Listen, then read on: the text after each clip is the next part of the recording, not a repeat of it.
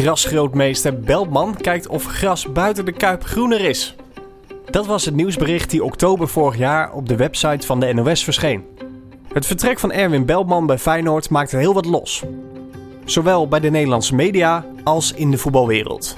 Negen jaar lang streeft Belman ernaar om voor elke wedstrijd de allerbeste grasmat klaar te leggen. Het veldonderhoud in het stadion en op het trainingscomplex was voor Erwin dan ook geen werk, maar een levensstijl.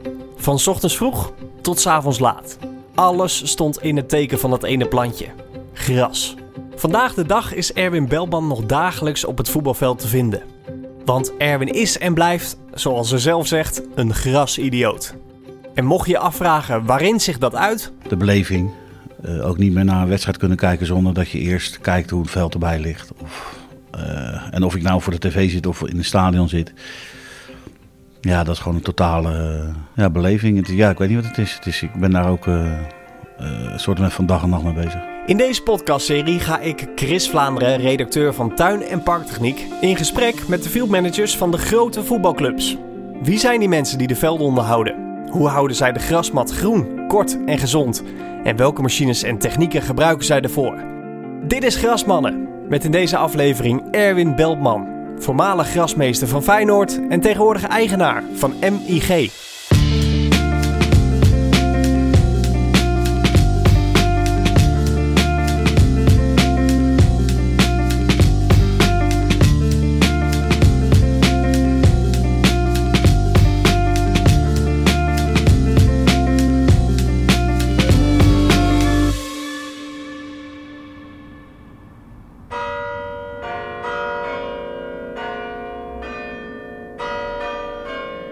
Ik ben in Noordwijk, vlakbij de kust. Ik heb met Erwin afgesproken bij voetbalvereniging SJC. Deze club zit vlak naast een basisschool en telt vier velden. Drie kunstgrasvelden en een hybride veld. Beltman verricht hier het onderhoud. En mocht je denken, Erwin Beltman, die naam, die komt me bekend voor. Dat zou wel eens kunnen. En degene die dat moet weten is Erwin Beltman. Hij wordt wel de grastovenaar. De grastovenaar? Erwin Beltman, dit is de graskoning van Nederland. Dit is een belangrijke dag voor grasmeester Erwin Beltman. Erwin Beltman staat bekend als de grasmeester van Feyenoord. Grasmeester van de Kuip Erwin, goedemiddag. Toen Beltman nog bij Feyenoord werkte, was hij regelmatig te zien in interviews en andere tv-items. Hij groeide zo uit tot misschien wel de bekendste grasmeester van Nederland. Mocht je hem nou niet kennen, dan stel ik hem nog even aan je voor. Erwin is 47 jaar oud, is een grote man, heeft een opgeschoren kapsel, een baardje en loopt meestal in een trainingspak. Tot eind oktober vorig jaar was dit meestal een trainingspak van Feyenoord. In combinatie met een korte broek. Wat we natuurlijk deden bij, uh, bij Feyenoord was heel veel maaien. In het stadion bijvoorbeeld heel veel lopen. Ja, dan word je ook warm, zeg maar. En in een stadion is, is het altijd warmer dan als je net naar buiten komt. Dus ja, ik liep wel samen met een andere collega altijd vaak snel in een korte broekje. En we waren ook de laatste die de lange broek aan hadden. Beltman is oorspronkelijk een Hagenees. Groeide op in Wassenaar en woont tegenwoordig met zijn gezin in Valkenburg. Niet in Limburg, maar Valkenburg in Zuid-Holland. Hoewel hij hier met veel plezier woont, heeft hij een voorliefde voor de Veluwe. Ik ben daar wel uh, bijna opgegroeid, zeg maar. Omdat ik daar altijd uh, uh, naartoe ging. we zijn met Pasen ook weer geweest. Mijn ouders hebben daar een huisje. En ik ben vanaf mijn tweede. En ik denk zelfs, maar dan moet ik even voor de zekerheid aan mijn moeder vragen... dat mijn broertje gemaakt is op de Veluwe. Dat, zeggen ze altijd. En zo, zo lang komen we eigenlijk al op de Veluwe. En dat ging al met mijn opa en oma.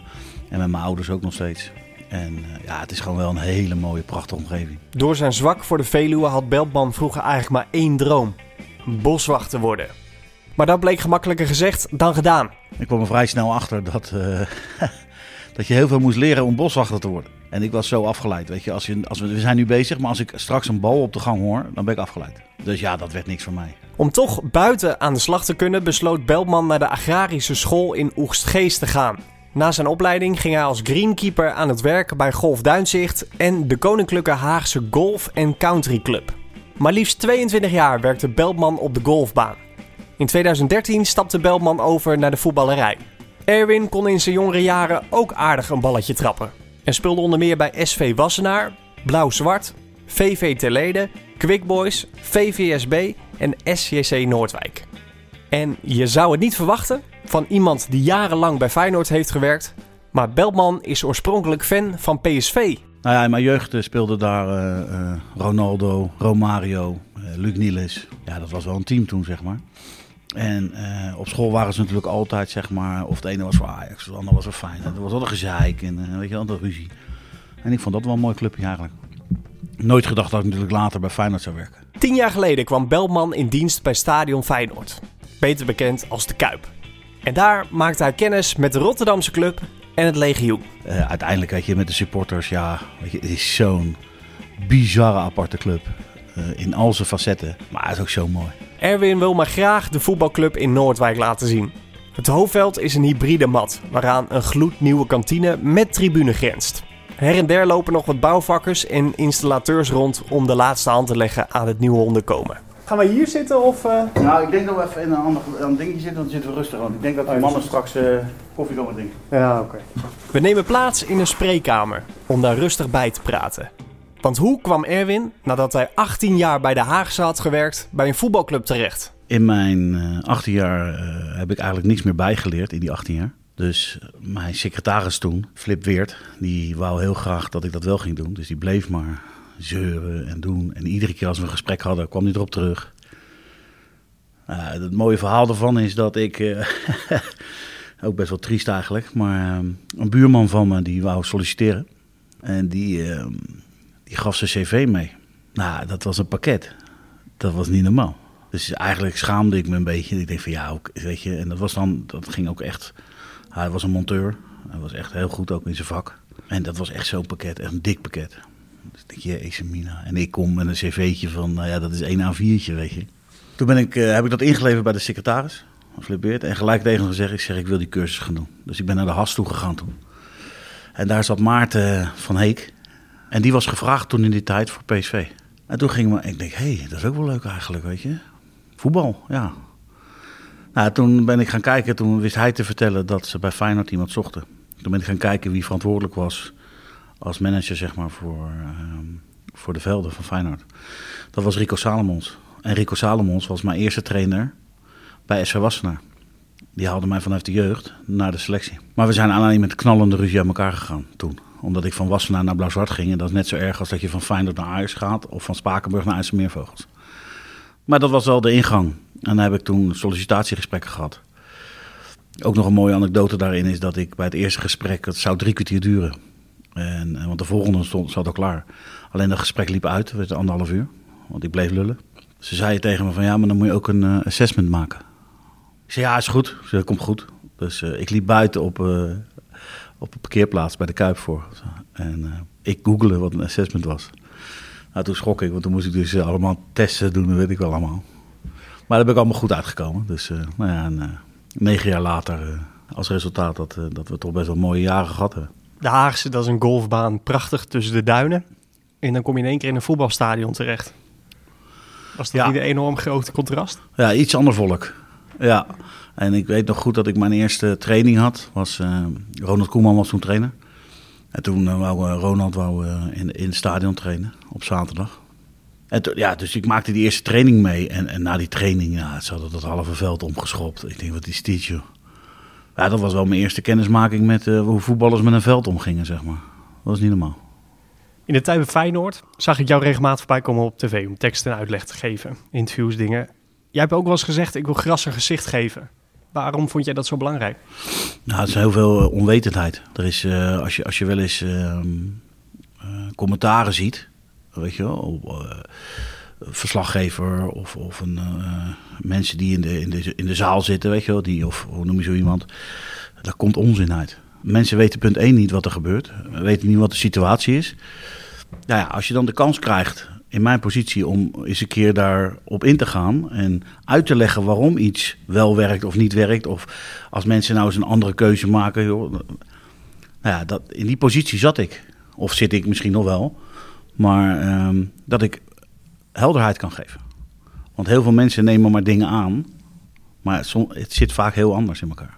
Het afgelopen jaar is gewoon, en twee jaar, is natuurlijk een ramp geweest qua kosten. Heel veel clubs hebben de veldvorming niet eens aangesloten. Dat is gewoon heel veel geld. Lampen werden minder ingezet. Maar wel klagen over slechte velden. Terwijl ze de oorzaak niet weten. Nou ja, maar weet je, verdiep dat en maak dat, eh, maak dat helder, zeg maar. Weet je? Dan, dan, nou ja, dan is het de keuze. Is het vak van grasmeester een ondergewaardeerd beroep? Nee, dat denk ik niet. Ik denk dat we er goed op staan. En uh, het gaat ook met de velden in Nederland gaat het best goed, eigenlijk. Je hebt ruim negen jaar bij Feyenoord gewerkt. Wat, wat is het gekste wat jij daar hebt meegemaakt? Oh jee, um, het, het, het, allergekste is natuurlijk het, het vuurwerk wat er uh, met de bekerfinale tussen Ajax en Zwolle kwam. Dat is het meest vreemde en uh, dat leek wel oorlogsgebied op dat moment. En het meest aparte en het mooie is kampioenschap geweest. 2017? Ja, ja, dat was echt uniek. Dat was echt bizar. Op die dag had jij het gras zo kort mogelijk gemaaid? Ja, kort mogelijk gemaaid, goed nat gemaakt, ja. We moesten tegen Heracles Almelo spelen. En uh, iedere ploeg, en dat, dat kan je nagaan op beelden, maakt niet uit. Pak willekeurige uh, ploeg die op gras speelt en die tegen een kunstgrasploeg speelt. Die spelers glijden uh, twee tot drie keer vaker uit dan hun eigen spelers. Die altijd gewend zijn om op gras te trainen. Kunstgrasspelers zijn niet gewend met stiften te voetballen, dus met langere noppen. Want dat kan niet op kunstgras, want dan gaan je voetzolen, gaan, ja, die noppen gaan er niet in. Dus je ziet ook spelers altijd van kunstgrasploegen, die nemen altijd twee of drie setjes schoenen mee naar de warming-up. Omdat ze gewoon niet weten waar ze aan toe zijn. Nou, dat was met Heracles idem dito. Dus ik had tegen Giovanni van Bronckhorst gezegd, ik zeg, de dag ervoor, toen waren we ook al op zaterdag bezig, zeg maar, met, uh, met het veld klaarmaken voor de dag daarna. Omdat, ja, we, we maaien soms wel eens negen keer per dag. Of negen keer per week, sorry. En toen heb ik gezegd, joh, luister, ik maai hem super kort en ik maak hem goed nat. Dat ik heb namelijk het idee dat Heracles niet op hun benen blijft staan. Weet je, en nou ja, ja, de rest is geschiedenis, weet je. Uh, Dirk Kuyt nou, wij zaten nog niet eens. Ik zat met een collega, want er was nog vuurwerk en sliert en alles lag nog op het veld. Dus wij liepen langs de lange zijde, andere collega's zaten al op hun plek. En ineens gaat het hele stadion trillen. Dus je hebt het helemaal niet gezien? Uh, nee, later op tv heb ik het gezien, zeg maar, wat er gebeurde. En het mooie was, later had ik, uh, was ik uitgenodigd voor het feestje op de SS Rotterdam, na het kampioensfeest.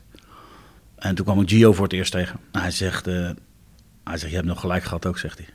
Ik zei, ja, mooi hè? Ja, was wel gaaf. Ja, was mooie, mooie momenten. Hij had niet een envelopje voor je? Nee, dat hoeft ook helemaal niet.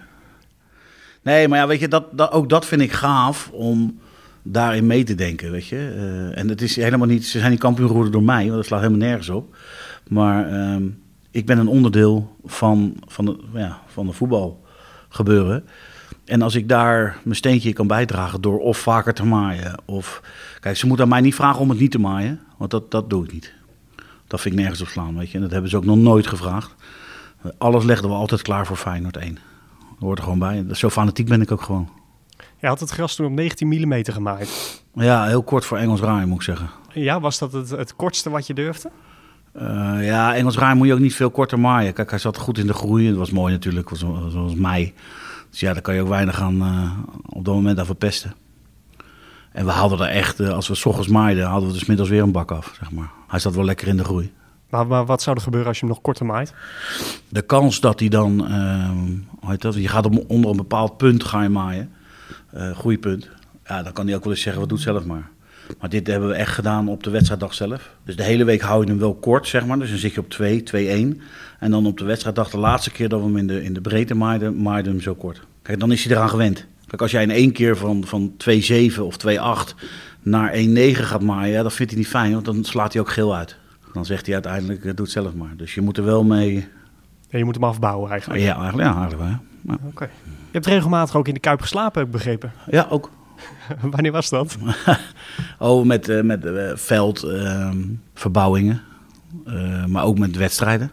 Als we dus later Europese wedstrijden hadden. Dan, dan bleef ik ook wel. En later ging ik in een hotel. Ja, je had er wel van geleerd. Ja, dat lag niet echt lekker. Nee, waar sliep je dan? Ridderkerk. Oh, in, in de Kuip? Ja. Ja, ik had een bank. Of we hebben ook nog eens op een stretcher gelegen. Een luchtbed heb ik ook nog eens meegenomen. En, Ergens in het materiaalhok? Of, ja. Hoe slaapt het in de kuip? Ja, de, kijk, als je op een bank gaat liggen, dat, dat ligt niet echt lekker. Een luchtbed gaat nog wel. Maar wat ik al heb, en dat heb ik altijd gehad voor wedstrijden ook bijvoorbeeld.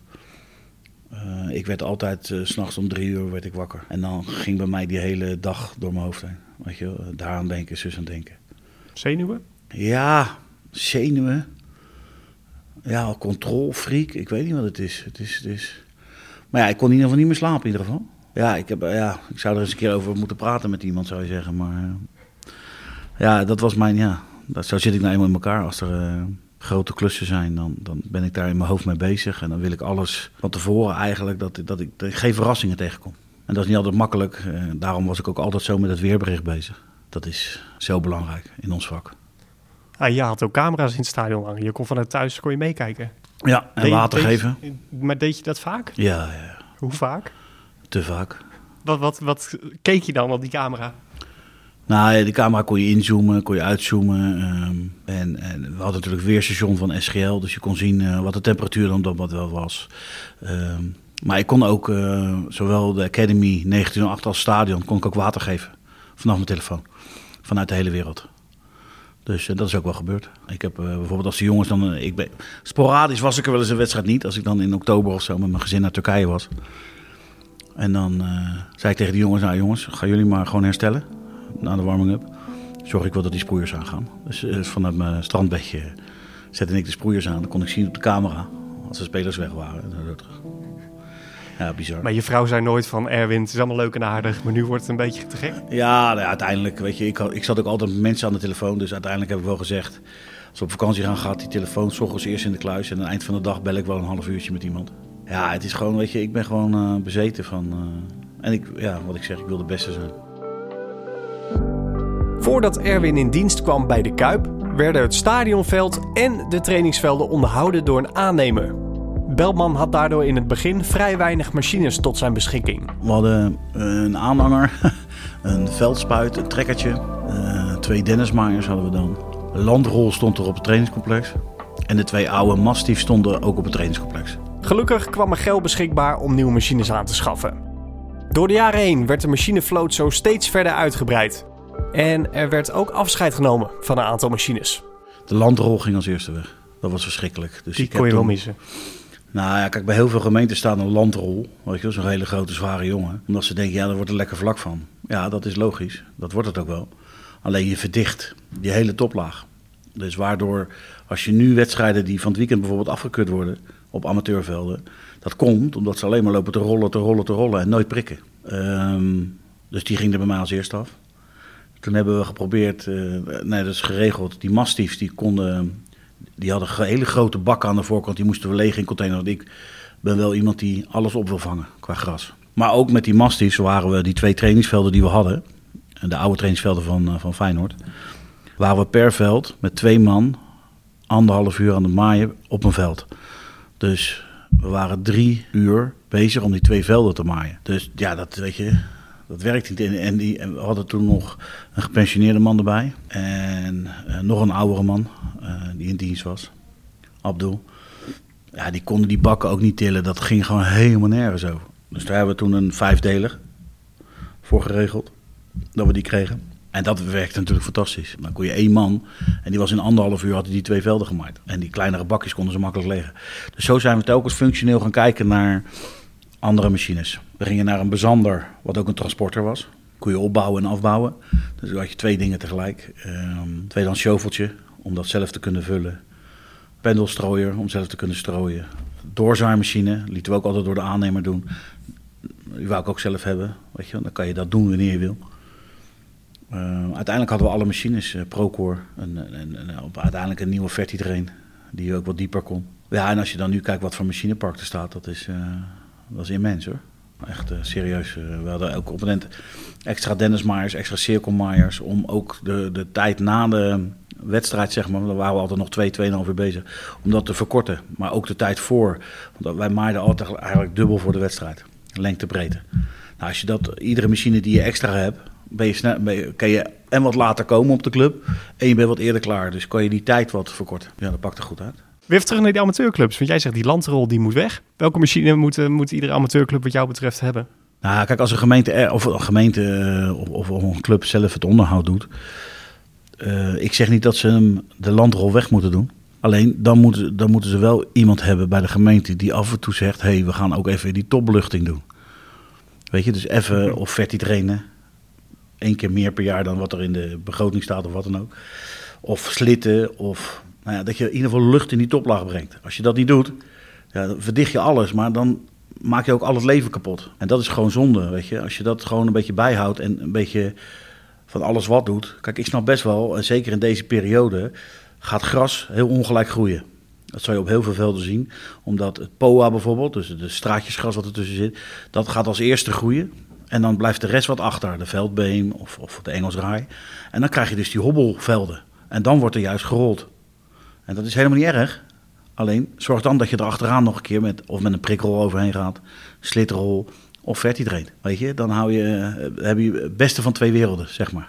Tippie, hè, mijnerzijds. Geef ik gewoon zo even. Ja, top. Ik zag jou door de week vraag gewoon ook met de, normale Dennis Greenwaaien gewoon aan, het, uh, aan, aan de wandel in, in de Kuip. Dennis Greenmaier. Nee, een Kooimaaier. Een Kooimaaier, ja. ja, sorry. Ja, Kooimaaier. We hadden drie Dennis Kooimaaiers en we hadden drie Cirkelmaaiers van Dennis. Um, ja, wij liepen alles in de Kuip lopend. Ja, waarom? Um, Want je kan ook zeggen, nou, ik pak een, een driedelige... Nee, we hadden, we hadden twee vijfdelige op de trainingscomplexen dan. Maar dan kwam je het stadion niet meer in. Alleen als het seizoen afgelopen was. Waarom wilde jij door de week niet met een grotere machine het veld op? Nee, dat is, kijk, als het niet nodig is, kijk, met een trekker, met een veldspuiter aan, moet je eroverheen. Met ballonbanden, zeg maar. En, uh, en ik weet ook, weet je, er zijn heel veel mensen tegen mij gezegd: ja, maar die Dennismaier heeft veel meer druk per vierkante centimeter dan een vijfdelige. Dat snap ik ook.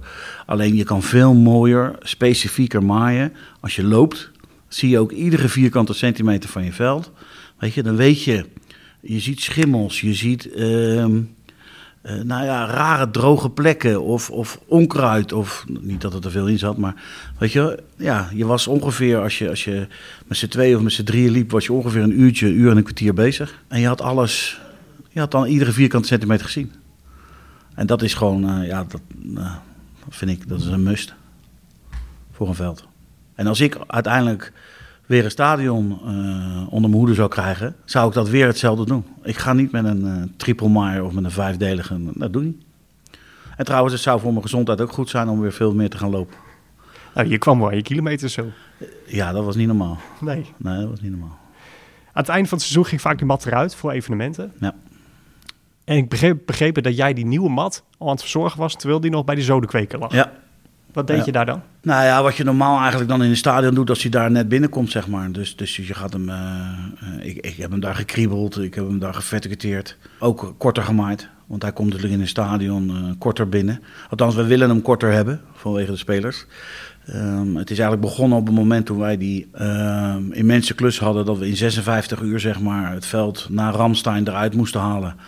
En na 56 uur hadden we de eerste training op zondagochtend. Ja, dan moet er een mat komen die eigenlijk gewoon gelijk in orde is. Dus ja, toen is eigenlijk het idee ontstaan uh, met de oude John Hendricks om daar wat frequenter zeg maar, het onderhoud te doen.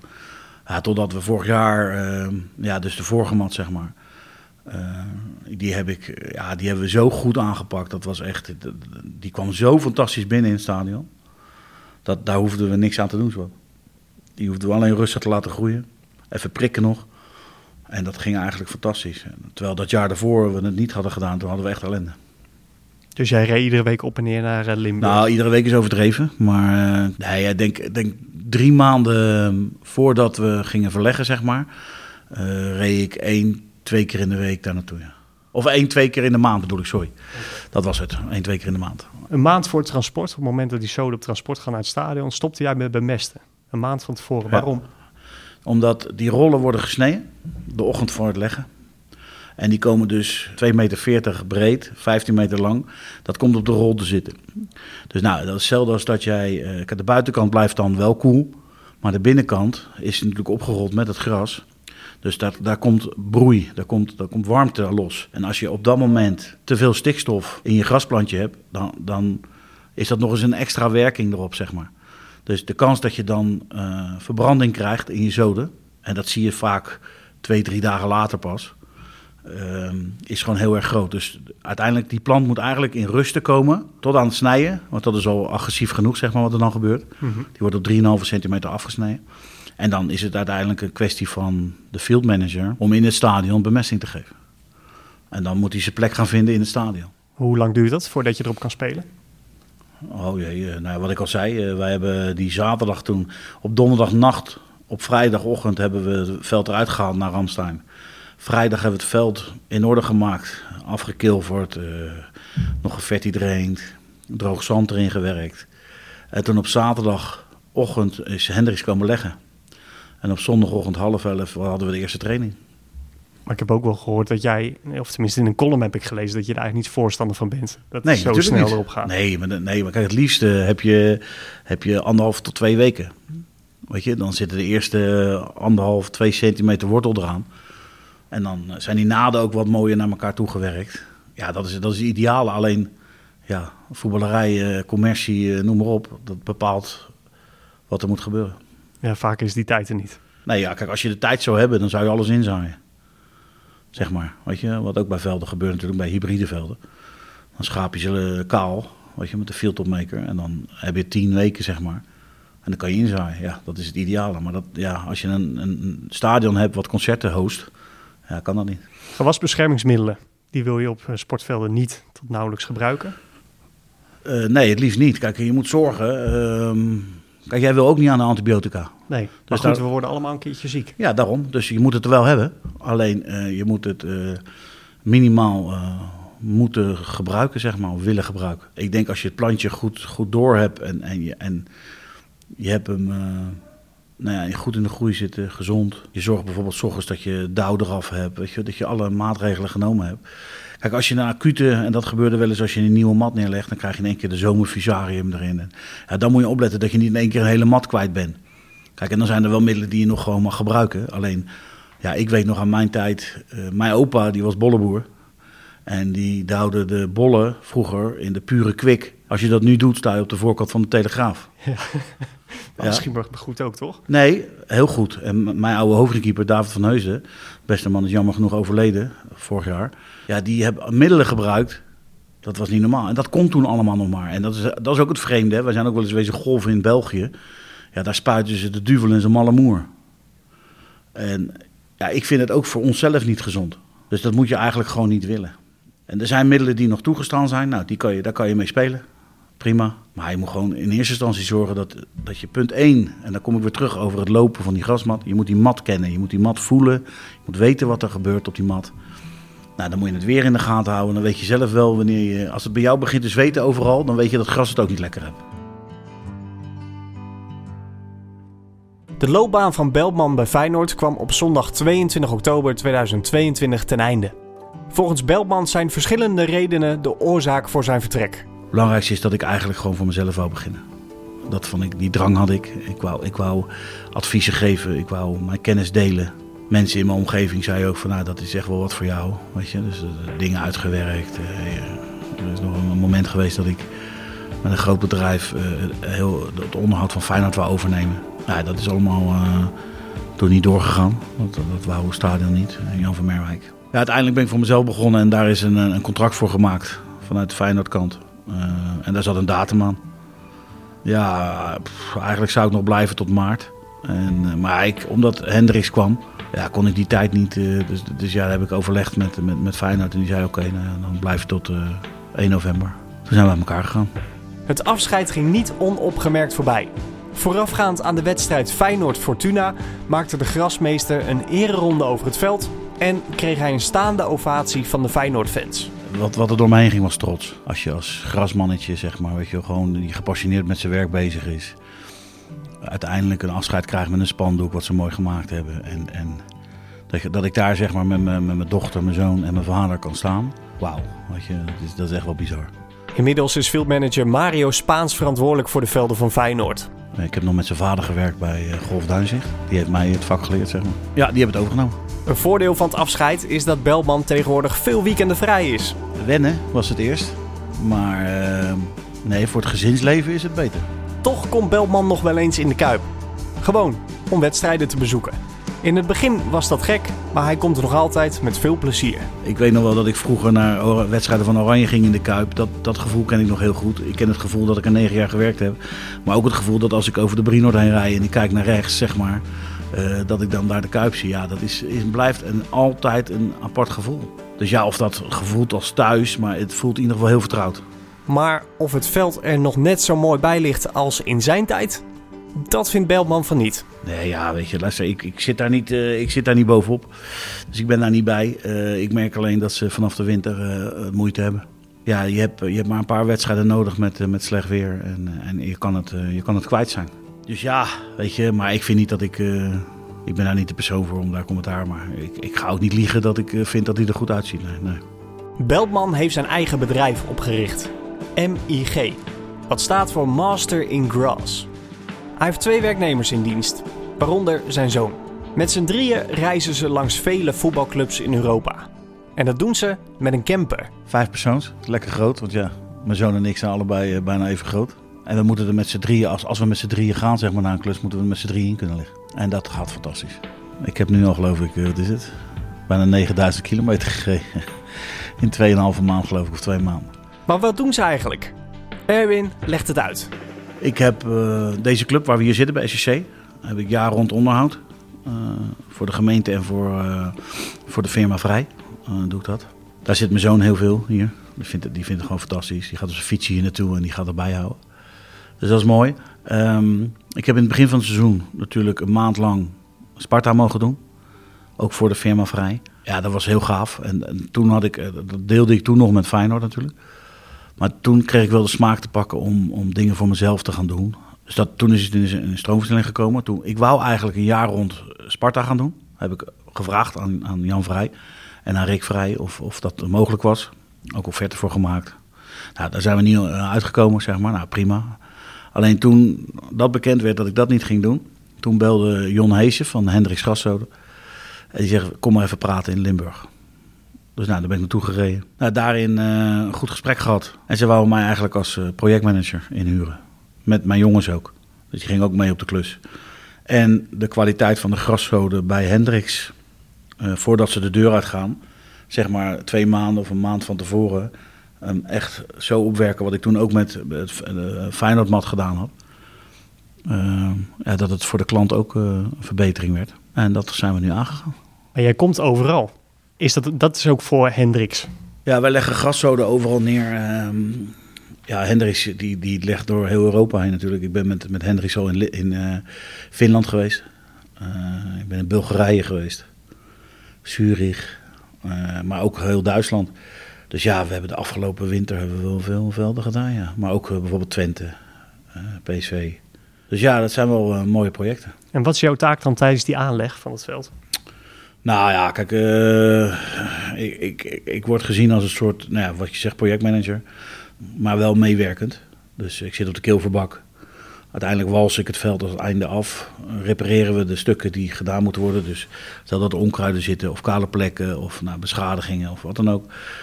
Voordat ik van het veld af ben, moet het allemaal gewoon netjes zijn. En dan is hij opgeleverd, is hij klaar.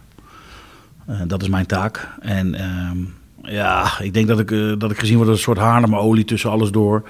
Weet je wel, eh, alles in goede banen. Als de groundsman een vraag heb, kan ik die vakinhoudelijk gewoon, gewoon beantwoorden. Ja, ik heb op hun niveau gewerkt, zeg maar. Dus dat, dat, je ziet ook aan hun dat ze dat een fijne manier van werken vinden. En hoe is het dan om ineens bij al die andere clubs over de vloer te komen? Ja, maar dat vind ik leuk. Weet je, dat is gaaf.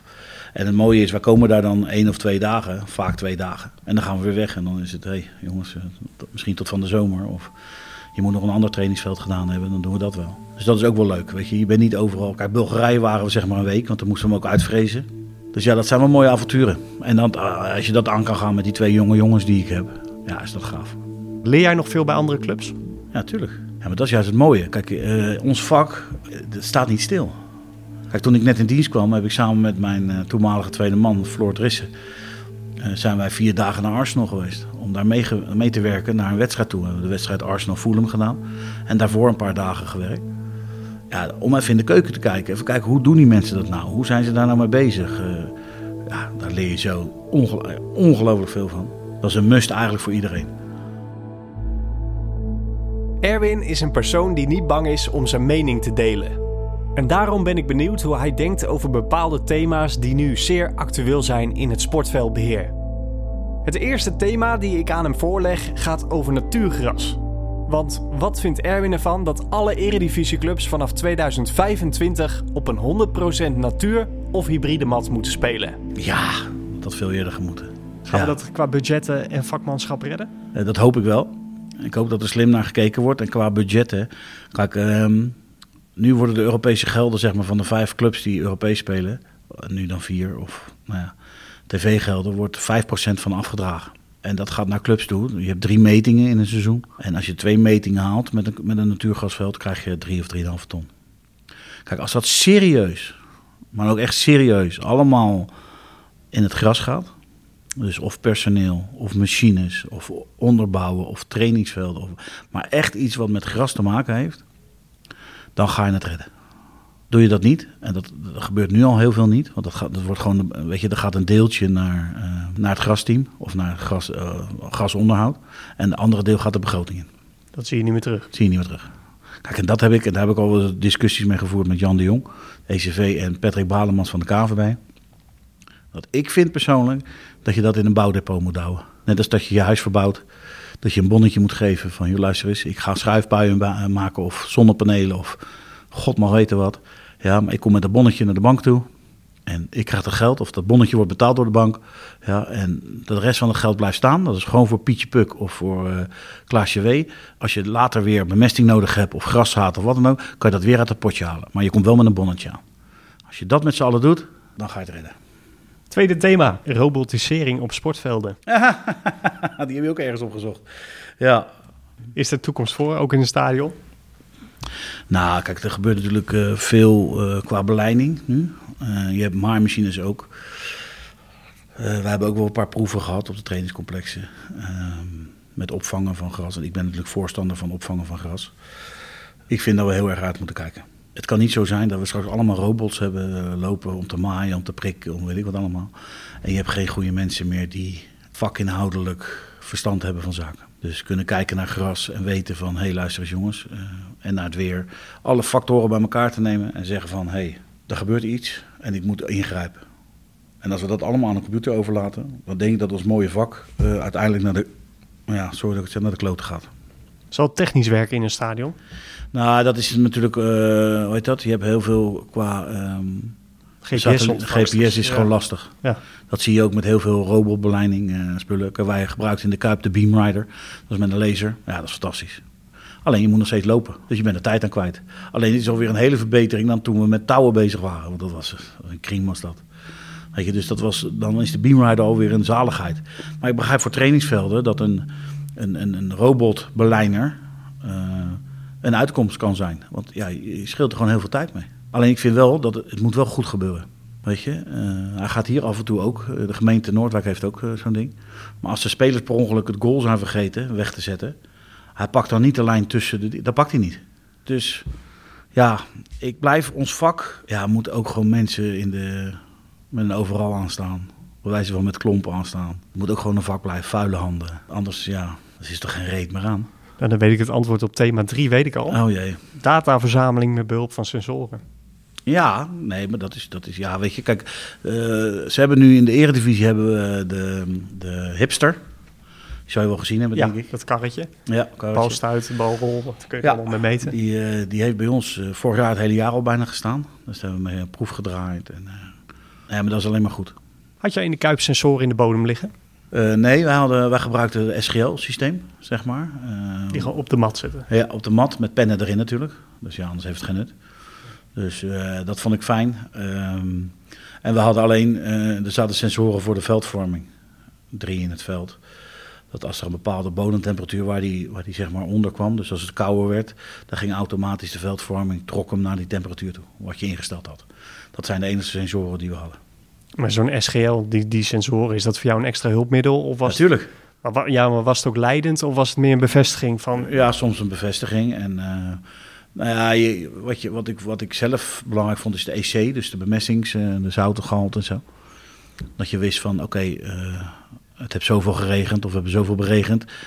Eh, we moeten weer. Ik vind dat je dat ook aan het plantje moet zien. Dat als het plantje weer bemesting vraagt, dan, ja, dan moet je die gift geven. Eigenlijk moet je daarvoor zijn. Maar dat was met die sensoren, is dat wel mooi te zien, ja. Maar kijk, ik hoef niet aan de sensor te zien waar de schade op mijn veld is, want dat zie ik zelf wel. Ja, er zijn clubs die hebben een eh maaimachine lopen en die zien dan waar er veel bespeeld is. Ja, dat kan ik je zo ook, ik kan met mijn ogen dicht ook wel aanwijzen. Ja, daar hoef je geen high-tech machine voor te Ja, hebben. dat vind ik onzin. Weet je. En dat, dat bedoel ik ermee te zeggen. Weet je, ga dan lopen en dan voel je elke oneffenheid in een veld. We naderen het einde van het voetbalseizoen. Dat is eigenlijk jammer, want door de hogere temperaturen begint het gras nu flink te groeien. Veel velden komen er daardoor steeds mooier bij te liggen. Ik ben nieuwsgierig hoe Erwin tegen de huidige velden aankijkt. Bij welke club ligt momenteel de allermooiste grasmat? Oeh, ik denk dat een paar clubs het heel goed voor elkaar hebben. Ik denk dat de Arena dit jaar goed voor elkaar heeft. Uh, dus ik zou mij sterk verbazen als hun geen eerste worden. NEC heeft het goed voor elkaar. Sparta heeft natuurlijk een fantastisch... Uh, ik vind jammer van een 5 meters.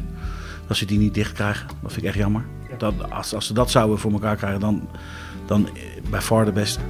Weet je? Maar ik vind, ja, oog wil ook wat. Um, ja, ik denk dat het wel is. Ja. En de Kuip komt er nu uh, heel hard aan. Weet je, alleen die hebben van de winter gewoon een ongelofelijke tik gehad. Maar nu met dit weer, uh, ja, groeit het gras uh, tot aan je neus gaan, zeg maar. Je vertelde net ook, je hebt bij Arsenal heb je gelopen en dat heb je ook nou, eerder al het Walhalla genoemd.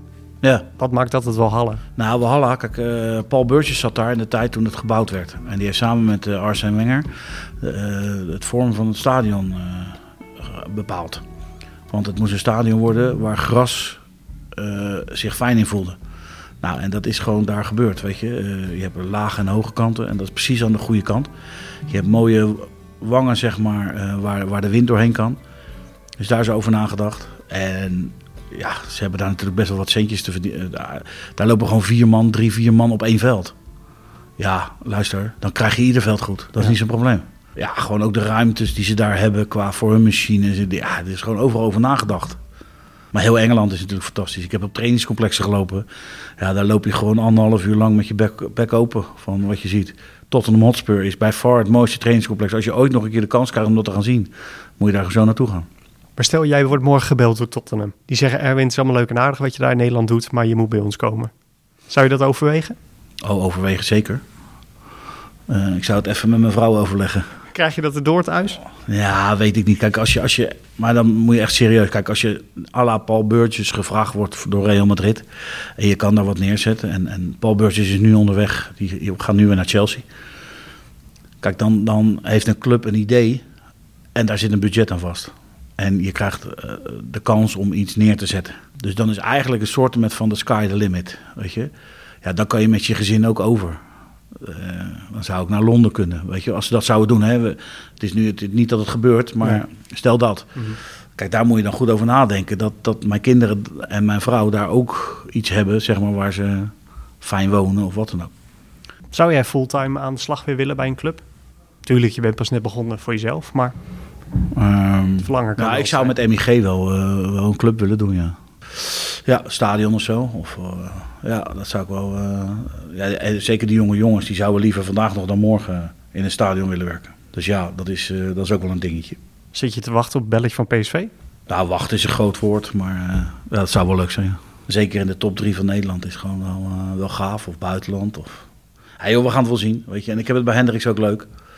En we doen leuke dingen. En de jongens vinden hebben het naar de zin. En we verdienen er nog een centje mee. Jouw zoon zit in het bedrijf. Wat zou je hem mee willen geven? Nou, dat hij alles met zijn hart doet. En dat je niet bang moet zijn om fouten te maken. Maar wel bang moet zijn dat als je een fout maakt, dat je er niet van leert. Dat vind ik wel belangrijk. Ja, nu doet hij dit vak. Maar mocht hij nou over twee jaar zeggen... Joh pa, ik vind het allemaal leuk, maar ik, ik ga bij een aannemer werken op een trekker of op een kraan. Hey, uh, vriend, luister. Ik zou het jammer vinden, maar ik hou je zeker niet tegen. Als jij je hart volgt. Ja, het rot is, is ze krijgen ook nog eens een keer verkering straks. Ja, Ja. En dan willen ze niet meer weg. Hé, hey, dan ben je van God los, hè? Ja. Dat bedoel ik. En je weet waar die verkering vandaan komt. Dat bedoel ik, daar moet ik ook nog rekening mee houden. Dus, uh, dus ja, als we naar het buitenland toe gaan, dan hou ik hem heel angstvallig in de camper. Dan bind ik hem vast. dat hij daar geen vrouwelijk contract krijgt. Maar uh, nee, ja. We gaan het wel zien. We hebben een mooie toekomst en uh, we kunnen onze handen gebruiken en, en ons koppie. En we zijn gewoon leuk bezig. Stel, we gaan over vijf jaar deel 2 van deze podcast opnemen met jou. Waar moet ik je dan opzoeken? Ergens in een stadion? Ja. Ergens in Nederland? Denk ik wel. Ergens in het zuiden? Zou kunnen. Of hier bij SJC Noordwijk? Nou, dat wil ik, dat wil ik sowieso niet kwijt, dit. SJC Noordwijk, dat vind ik echt heel leuk. En, uh, en, en de hoop is eigenlijk, omdat we dit... Dit is wel een eye-catcher in, uh, in, in, de, in de Bollenstreek. Is dat er meer tweede divisie clubs overgaan van kunstgas naar natuurgas. Ja, waar ik echt mijn, zin op gezet heb, is VV Katwijk. Die uh, spelen op de Krom. Uh, ik heb bij de aardsrivaal gevoetbald, Quickboys. Maar ik zou zo blij zijn als ik daar op een maaimachine zou kunnen zitten. Om daar gras te maaien op het eerste veld. Ja, dat die dag, dat, dan weet heel Nederland dat hoor, dat ik daar op een maaimachine zit. Het zou zo mooi zijn om die over te halen van, van kunstgras naar natuurgas en dan hybride. Net als wat hier ligt. Ja, dat is, eh, dat, is, dat is mijn doel hier in de buurt, zeg maar. Dankjewel voor dit gesprek. Ja, was leuk. We gaan nog een bakje halen, denk ik maar. Lijkt me een goed plan. Als er nog staat. Dankjewel.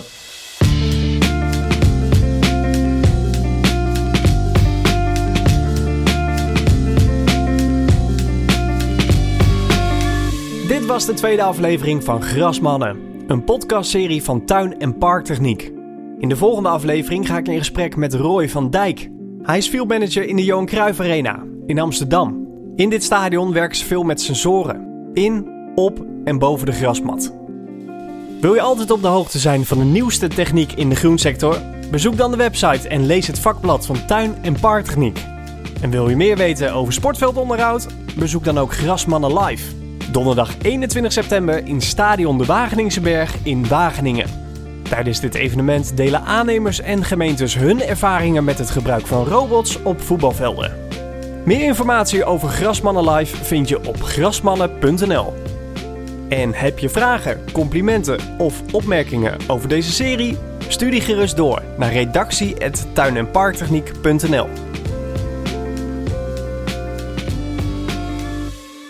Deze podcast is mede mogelijk gemaakt door Milati, de leverancier van innovatieve maai, onkruidbestrijdings- en beleidingsrobots.